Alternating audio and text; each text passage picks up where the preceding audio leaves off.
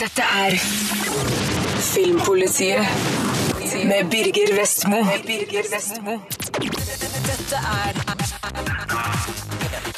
P3. Jeg skal anmelde en ny kinofilm. My dad said the way I saw the world was a gift, Her kommer enda en 9-11-film. Ekstremt høyt og utrolig nært, har gode ting i seg, men regissør Stephen Daldry har konstruert et innfløkt lappeteppe av en historiefortelling. Av og til briljerer han, men forsøker han for hardt å nå inn til publikums hjerterøtter. Jeg blir i hvert fall ikke grepet av filmen, slik det nok var meningen at jeg skulle bli. Det er blant annet litt vanskelig å få grep rundt historiens unge hovedperson, sjøl om skuespiller Thomas Horn imponerer. Oscar Schell, spilt av Thomas Horn, mister faren sin 9.9.2001 og føler seg distansert fra sin sørgende mor, spilt av Sandra Bullock. I tilbakeblikk ser vi hvordan faren, spilt av Tom Hanks, ga sønnen stadige utfordringer for å utvikle hans sosiale egenskaper. Oscar er nemlig en smart gutt, men har kanskje aspergers. Nå er Oscar overbevist om at faren har lagt igjen et siste spor etter seg, et eller annet sted i New York, og planlegger en ekspedisjon for å finne det. After he died, I found this key in my dad's closet. Regissør Steven Daldry er ingen hvem som helst. Han har imponert meg tidligere med filmer som Billy Elliot, The Hours og The Reader. Men i ekstremt høyt og utrolig nært er det litt for åpenbart at han forsøker å trykke på mine emosjonelle knapper. Det er for opplagt at det her er meint å være en tåreperse. Historien er vanskelig å tro på, jakten etter sporet fører egentlig ikke til noe, og det er flere elementer i filmen som er så fantastiske sammentreff at himling med øynene er påkrevd. Det er vågalt å la en hel film hvile på en ung gutts skuldre.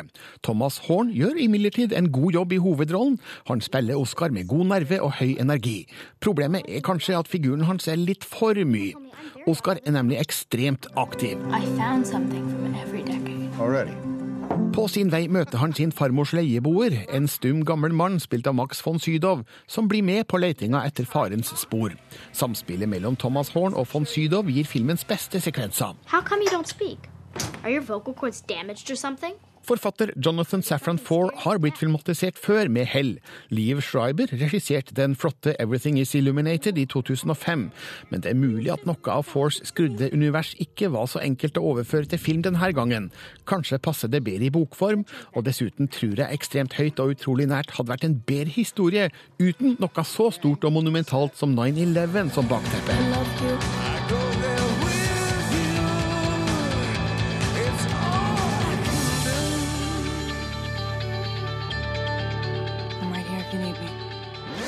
Dette er Filmpolitiet på P3. I forrige uke så ble verdens største nedlastingsside for PC-spill, eh, Steam, toppa av et lite norsk spill som heter Naval War Arctic Circle. Eh, Sånn høres det spillet ut sånn cirka. The year is 2030. The Arctic is now the most strategically important area in the world. Everyone wants access to the vast resources of gas, oil, and minerals. The war for dominance has begun. Choose sides and rule the world. Rune Håkonsen, eh, når Naval War Arctic Circle topper Steam-lista, så betyr det rett og slett at dette har blitt en liten suksess? Det har solgt i hvert fall ganske mange eksemplarer eh, i åpningsuka. Det må legge, legge til at spillet nå ikke lenger er å finne på den topplasseringa. Men det Turbotape Games i Bergen har klart, de har laget et spill eh, som har truffet en veldig eh, god nerve blant eh, spillnerder, for dette er et smalt spill som handler om sjøkrig. Vi snakker altså sjøkrigsstrategispill. Ja, akkurat. Det, det høres litt sånn smalt og snevert ut. Og det er det jo også, eh, for det er ikke så eh, veldig lett tilgjengelig dette spillet Naval War Arctic Circle. Det er et vanskelig spill. Eh, Det er mye detaljer. De har lagt mye kjærlighet inn i selve produksjonen, slik at de skal kunne tilfredsstille selv den mest kresne sjøfarts, sjøfar, sjøkrigsspillentusiasten. Og eh, her er det ikke vanvittig grafikk som eh, er liksom, satsingsområde? Nei, overhodet ikke. Eh, Det er også en av de punktene som spillet har blitt kritisert for. og det må jeg si meg enig i, at Grafikken er ikke veldig god, men det er heller ikke nødvendig for det som spillet forsøker å formidle, nemlig hva skjer om det blir krig i nordområdene mellom da skal vi si, Nato og Russland, utafor Nord-Norge f.eks., eh, i 2030. Eh, Ressursene der oppe, olje osv., det kommer til å bli en viktig del av skal vi si, politikk, norsk nordområdepolitikk i tida framover. Ja. Og derfor er det veldig spennende å kunne spille et spill som det her. Du har testa Naval War Arctic Circle, Hva er Dine første inntrykk? Eh, Ja, det er et veldig omfattende spill. Det er veldig komplekst og, og dypt, så at du kan dykke langt inn i strategiens verden. Dessverre så er det kanskje litt for vanskelig, og jeg lurer nok på om spillet kanskje også gjør seg litt utilgjengelig for skal vi si, folk flest. Et begrep jeg ikke liker å bruke så godt. Men, eh, men, men hvis man er interessert i strategispill, er man interessert i sjøfart, så er dette kanskje årets beste spill. Er du ikke interessert i dette, så kan du nok kikke etter noe annet i spillbutikken. Men det er vel kanskje meninga at dette spillet er retta mot en litt sånn snever gruppe gamere? Det tror jeg nok du har ganske så rett i, og jeg merker sjøl at jeg trives ganske godt eh, med det. Men som sagt, hvis du liker Call of Duty, så er kanskje ikke dette veien å gå. Syns du Naval War Arctic Circle høres interessant ut, så er det bare å gå på, på Steam og laste ned til din PC og ja, sitte og krige i nordområdene av hjertens lyst. Takk skal du ha, Rune Håkonsen. Bare hyggelig. Filmpolitiet. That's it, man. Game over, man. It's game over. Her er min anmeldelse av premierefilmen Tyrannosaur. I've met people you all my life. Goody goodies. Make a charity record. A cake. You know what it's like out there, you a clue. Britene er mestere i å lage grå filmer om fattige folk som har det jævlig. Tyrannosaur er nettopp en slik film, tufta på alkoholisert vold i nære relasjoner. Men den viser òg at hestehov kan vokse i betong ved å fortelle en sår kjærlighetshistorie mellom to hardt prøvde mennesker. Peter Mullen og Olivia Colman spiller i overkant godt og gjør filmen vanskelig å se, men den er verdt oppmerksomheten. I prayed for you last night. God loves you. Does he now?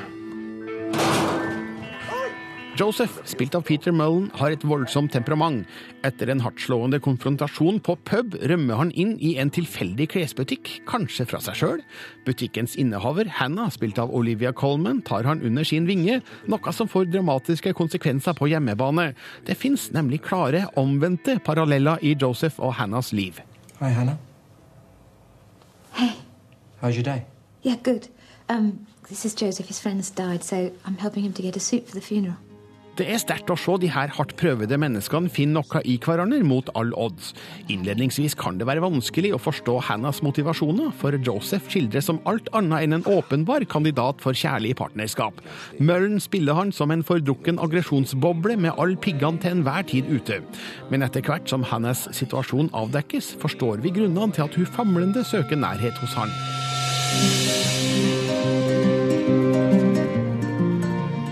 Mom, to you? I fell over. Is this your girlfriend? Whoa, what happened to you, girl? Would you believe she fell off a bus? Regissør Paddy Considine er sjøl en eminent skuespiller, kjent fra filmer som Dead Man's Shoes, Cinderella Man og Submarine. Men han holder seg bak kamera i sin regidebut, som han utfører stilsikkert med kalkulert jævelskap i ugjestmilde omgivelser. Av og til føler jeg nok at omstendighetenes gjennomgående råttenskap nesten blir i overkant klisjérikt. Men Mullen og Colmans realistiske spillestil gjør det her likevel spiselig. Og så er det effektivt å bruke Eddie Marsan, skuespilleren med det pussige ansiktet, som Hannahs psykopatiske ektemann. Han er isnende god. Came by your shop today. And you wasn't there. You were spotted with a man. Tyrannosaur er ingen opplagt lykkepille. Den pøser på med leie inntrykk der tristhetene står i kø, men den forlater oss likevel med et glimt av hardt trengt håp, noe både filmens figurer og filmens publikum behøver.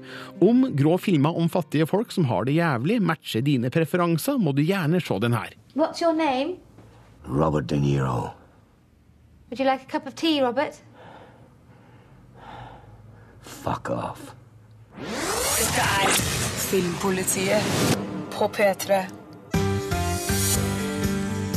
Den offisielle line-upen til filmfestivalen i Cannes ble annonsert i går. Det eneste norske bidraget er den animerte kortfilmen Slug Invasion, laga av Morten Helgeland. Filmen er tatt ut til The Cine Foundation Selection, som er et utvalg filmer fra filmskoler over hele verden. Og Morten Helgeland sier det er stort at hans film skal vises i Cannes. Rise and shine, maggots! Intel has reported the presence of a humongous juicy flower within this garden. If we get our hands on it, our hunger problems will be solved for months! Morten Helgeland fra Haugesund, og har da lagd eh, Slug Invasion som et bachelorprosjekt i Danmark. Det handler om eh, sånne eh, Iberia-snegler, sånne mordersnegler, som skal invadere en hage for å spise en blomst.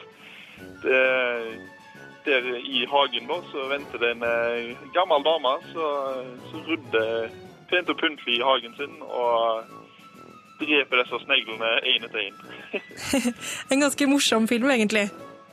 Ja, det, det, er en parodi på krigsfilm og bruker humor da mellom eh, den rolige verdenen da, til bestemora og eh, sneglenes eh, dramatiske krigsliv. Do not stop! On the pathway, you'll be exposed. Stopping there means you're dead. And I can't stand dead slugs in my beautiful army.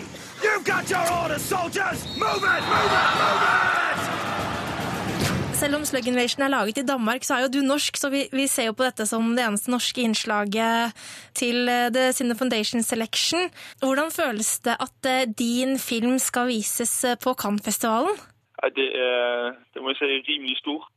Det er ganske spesielt. Altså både for meg og alle de som var med og lagde filmen, og skolen òg, for den saks skyld. Det er jo ingen, ingen som har vært med på dette før, så det er jo kjempestort. It's so quiet. Too quiet, and I don't like it. It's as if. What the foxtrot was that? Sarge, what the hell is happening? Did someone just die without my permission? Son of a bitch! Du går jo på animasjonsskolen The Animation Workshop i Danmark, og det er jo der du har laga Slug Invasion, som du sa. Fortell litt om hvordan denne filmen ble til. Selve ideen er jo henta fra min bestemor, da, som går ut i hagen så hver eneste sommerdag når det var sol, og med rumpa til værs og med saks og, og bøtter med salt i og drepte snegler én etter én. Og det er at altså, aviser rundt omkring det er jo det er det samme hvert år. De, de, skriver jo 'hvordan blir vi kvitt denne pesten', og så tenkte jeg ja, det var genialt å sette fra sneglenes perspektiv. Bare gi det en liten twist.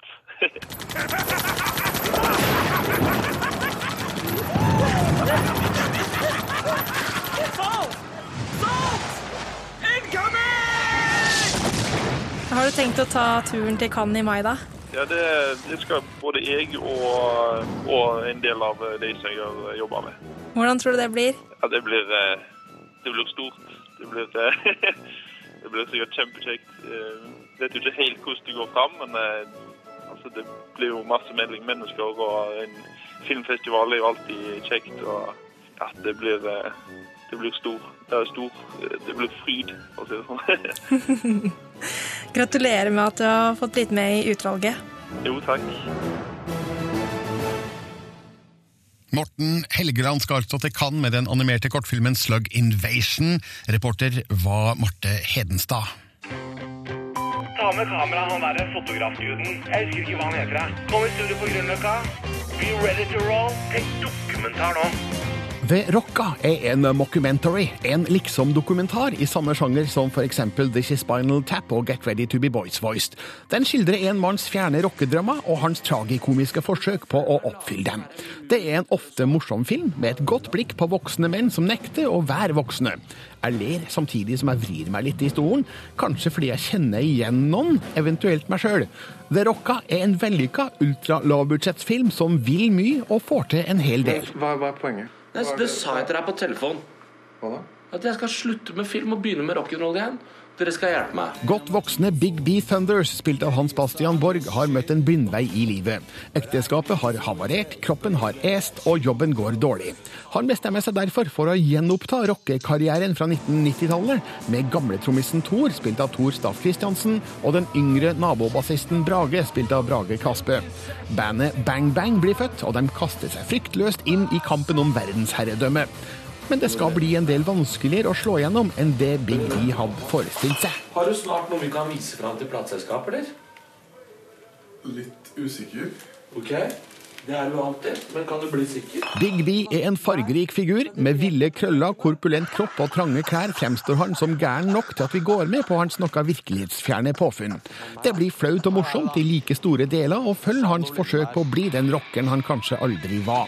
Filmen er full av elementer vi har sett i tidligere lignende filmer, som Den sleipe manageren, de mislykka konsertene, turnéfylla, mindre vellykka dameprosjekter, og med gjesteopptredener av virkelige rockere som bl.a. Thomas Seltzer og Ronny Le Tekrø. For min karriere så var det egentlig lurt å egentlig komme meg litt vekk fra basse. Det var jo først da ting begynte å skje i min rockekarriere. The Rocka er verken nyskapende eller oppsiktsvekkende, men den har et sjarmerende fravær av pretensiøse ambisjoner. Det er en enkelt fortalt rockehistorie om tre menns noe virkelighetsfjerne forsøk på å oppnå noe, sjøl om de har passert middagshøyden med noen mil. Jeg liker folka og mores av deres opplevelser. Harald Borg Vedon er publikumsrepresentant i det her. Han spiller Big Bees sønn, og er Hans Bastian Borgs sønn, som er fornuftens røst i galskapen. En nyttig funksjon i det her selskapet. Jeg mener at det er håp for alle. Og du Det er ikke alle det er håp for. Du kan sikkert få det til. sånn verden Du kan sikkert få det til. Er du fornøyd nå? Det bor mye godt i The Rocka. Den har fine figurer og en morsom historie, sjøl om den av og til mangler nødvendig fremdrift. Jeg skulle ønske det skjedde litt mer. The Rocka er likevel kompetent skrudd sammen av opptak som virker å være spontant filma, men som for alt jeg vet er grundig forberedt. Regissør Robert Ness takler liksom dokumentarsjangeren godt, og gjør møtet med Big B Thunders og bandet Bang Bang til en over middels fornøyelig affære.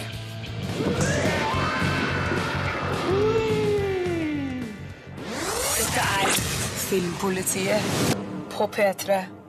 Og nå har jeg gleden av å si velkommen til to nøkkelfigurer bak filmen, nemlig hovedrolleinnehaver Hans Bastian Borg og regissør Robert Ness. Hei, hei, hei. Takk, takk. Nå må du fortelle, Hans Bastian, eh, spiller du deg sjøl i filmen, eller eh, hvordan, hvordan er det her? Nei, jeg gjør eh, egentlig ikke det. Eh, Men jeg gjør samtidig det også. Det vi gjorde, var at eh, jeg sto i øvingslokalet og hadde lagd noen ganske kule låter. Flere musikkfolk som syntes det var ganske kult, det jeg begynte å lage. Var 44 år, veide 120 kilo, mens jeg står og titter inn i studio i skjermen i studio på hvordan låtene skal se ut. og Så snur jeg meg mens jeg spiller og ser meg sjæl i speilet og holder på å le meg i hjel. Når du har internasjonale ambisjoner og veier 120 kilo og begynner å miste håret, så Man må jo le litt, da. Men hvordan eh, var veien fram til en liksom-dokumentar basert på det, Robert? Hvor kom du inn i bildet? Jo, altså, Bastian pitcha til meg i bilen. Eh, da var jeg på jakt etter et rimelig, rimelig spillefilmprosjekt vi kunne gjøre. Så sier han til meg hva hvis jeg nå slutt, hadde slutta jobben og det begynte å prøve å bli rockestjerne? Hva om vi lager film av det? Og så tenker jeg at ja, det er jo helt åpenbart eh, at vi gjør det. Det komiske premisset er krystallklart. Vi hadde alt vi trengte rundt oss. Hovedrolleinnehaveren. eh, Og knytta til oss nøkkelpersoner. Og etter eh, ja, bare noen få dager så var vi allerede i gang med å filme. Vi tok vel egentlig utgangspunktet i hvordan livet mitt hadde vært, og hvordan drømmene mine var, og så modellerte vi karakteren Big B Tunders etter det. Og for eksempel noe av faken i far og sønn-forholdet, det er jo ikke sånn normalt. Hei, hei, Harald. eh, I filmen så er jo, som du korrekt skriver i din kritikk, ikke sant, eh, sønnen eh, er eh, den voksne, og Big B Tunders er et svært, svært barn. Ja, Sånn er det ikke i virkeligheten? Nei, det er ikke det, altså, men vi er veldig tette, da. Men eh, Robert, hvorfor, hvorfor mm, velge å gjøre det her som liksom-dokumentar og ikke som en eh, spillefilm? Altså det første åpenbare svaret er at vi hadde jo ingen penger. Og for det andre så var det jo på en måte Det komiske premisset var jo at det skulle, det skulle ligne på livet. For hvis du skulle gjøre det større og mer sånn eh, ja, formmessig større, da, så ville vi trenge mye mer penger, og det ville være en helt annen måte å fortelle på. Så det var litt viktig at det skulle ligne på eh, livet sånn som det faktisk er. da. Men Hans Bastian, kjenner du igjen eh, noe særlig av deg sjøl i Big B? Ja, det er masse ting jeg kjenner igjen der. Vi har jo tatt utgangspunkt i meg, og så har vi jo ganga det med 200, da. Og jeg kan også komme med litt sleivete kommentarer, og sånn, men kanskje ikke av den dimensjonen som han gjør, da. Men du, du har samme bakgrunn som Big B, du, du har en eh, gitarfortid? Jeg spilte i band når jeg var ung, sånn som alle gjorde, og så hadde vi sånn Midt i ekteskapet så spilte jeg et band som het Bruno, med Thor som spiller i filmen. Og det var også en, en av greiene med dette bandet at det er jo også Det begynte med å modellere det med folk som sto meg nært, sånn at vi slapp å bruke masse tid med å ha folk som ikke kan spille i band, og at det ser teit ut, liksom. Thors er jo en av de beste trommeslagerne i Norge. Han og Brage er stødigheten sjæl på bass, og vi har kjent hverandre langt tilbake. Så det ble jo et ganske kult band av det der Bang Bang-greiene til slutt. da. Robert, når man lager en liksom-dokumentar om et band, så er det jo helt uh, uunngåelig at sånne som meg trekker fram This Is Spinal Tap. Altså, Fører du et slags slektskap til den filmen? Det er jo et visst uh, slektskap, men vi har ikke sett så veldig mye på den egentlig. Eh, men det var en film som, kanskje var mer inspirerende, og det var Le Duncan Scorsese av Shane Meadows. Som kanskje ikke så veldig mange har sett, men den var laget litt over samme lest. Hvor man følger da en eh, DJ som eh, ønsker å gjøre et slags comeback. da. Og Han er da også mye større i sitt eget hode enn han er i virkeligheten. Og Det var også en veldig sånn liten, enkel produksjon. Den ble gjort på fem dager. Over et slags sånn punk-manifest for film. Five Day Feature. Så det var også litt sånn inspirerende. Og så vet jeg, det, er, det er jo på en måte bare å gå og gjøre det. Selv om det høres litt, litt for enkelt ut, for vi måtte jo sette oss ned og skrive manus og tenke og planlegge osv. Så, videre, så ja. Mm. Hvor kan man egentlig få sett filmen i dag, Robert? Jo, Den går på 33 kinoer over hele landet, fra Alta i nord til Vennesla i sør. Tromsø, Drammen, Ålesund, Fredrikstad. Og i Oslo så går den på Cinemateket fra mandagen av. Rundt Oslo, Lørenskog, Ski, Jessheim annet. Det er jo da et faktum når det gjelder det rocka, og det er at eh, noen av de største kinoene har valgt å ikke sette opp filmen, altså Oslo, Bergen og Trondheim f.eks. Eh, hvorfor har de ikke valgt å vise filmen? Nei, Det må de nesten svare på selv, altså. Ja, Men hva tror dere? Jeg tror og tror. Jeg vet ikke om Kanskje de ikke har forstått den helt, altså. Kanskje ikke har Jeg humor.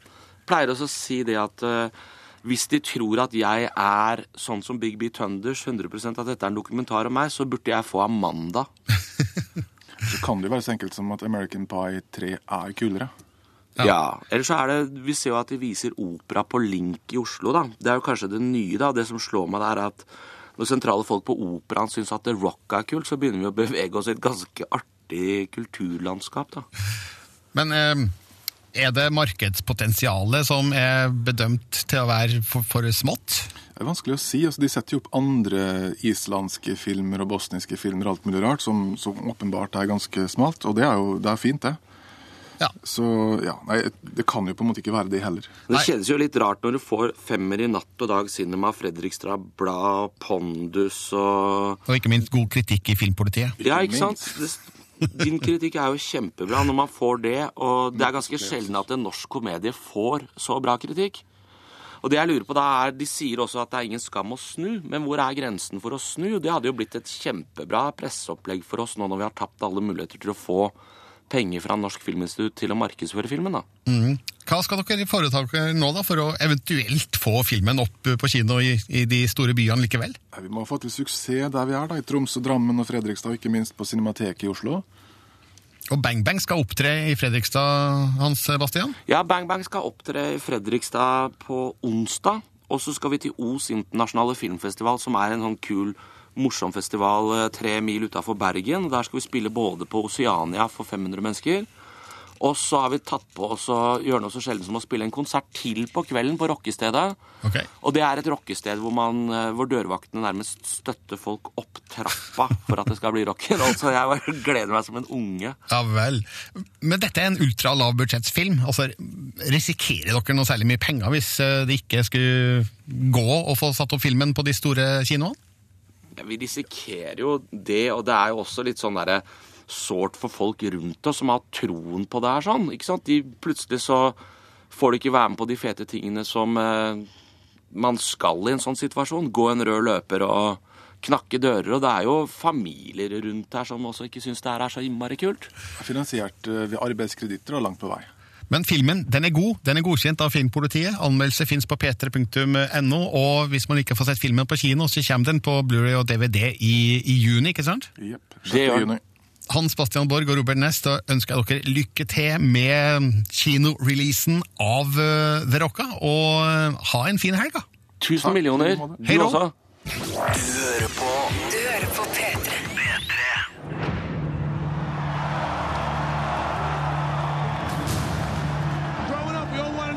toughest kid in the neighborhood was, right? I want to know the toughest man on the planet is. That's what we're going to find out. En av årets beste filmer så langt har gått rett på Blu-ray og DVD i Norge. Warrior av regissør Gavin O'Connor er noe så sjeldent som et sterkt familiedrama satt i en klassisk kampsportramme. Skildringa av MMA, mixed martial arts, gir filmen en besnærende gladiatornerve, men det er et godt skrevet manus og flotte skuespillerprestasjoner som hever filmen mange hakk over det nivået vi er vant til at slike filmer ligger på. Sweet. Pop. What are you doing here? Tommy's back. Brødrene Tommy, spilt av Tom Hardy, og Brendan, spilt av Joel Edgerton, ble en gang trent i kampsport av sin far Paddy, spilt av Nick Nolte. Men farens alkoholmisbruk reiv familien i bita og splitta brødrene. 16 år seinere kommer en bitter Tommy tilbake til faren for å ha hans hjelp til å vinne en ny MMA-turnering med stor premiepott. Samtidig har Brendan økonomiske problemer og legger seg i trening. Deres veier vil krysses og åpne gamle sår. Mom needed you. I needed you. You're my big brother. You bailed on me. I was a 16-year-old kid. What the hell did I know? You had a choice, okay? You had a choice. Warrior forsøker å bruke MMA-settinga akkurat slik Rocky brukt boksing og The Wrestler brukt fribryting. Resultatet er en absolutt medrivende, berusende og bevegende film. Det brukes sjenerøst med tid til å sette historien, skildre hovedpersonene og tegne et bilde av hva det er som jager dem.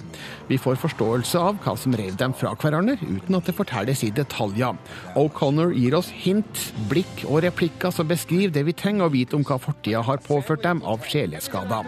Dette er smart historiefortelling.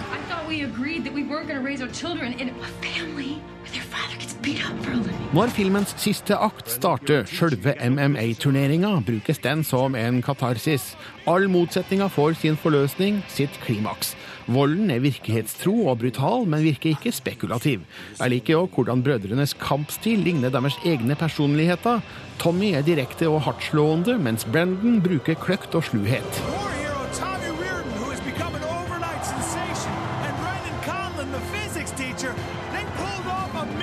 Både Tom Hardy, Joel Edgerton og Nick Nolte presterer på topp i Warrior. Nolte ble til og med Oscar-nominert. Warrior er en imponerende film, og det er rart den ikke fikk kinorelease i Norge. Men nå er den altså ut på Blu-ray og DVD, og det her er såpass bra at jeg gjerne gir Warrior min varmeste anbefaling. Are we here to win this fight? Because if we're not, I will throw in the towel.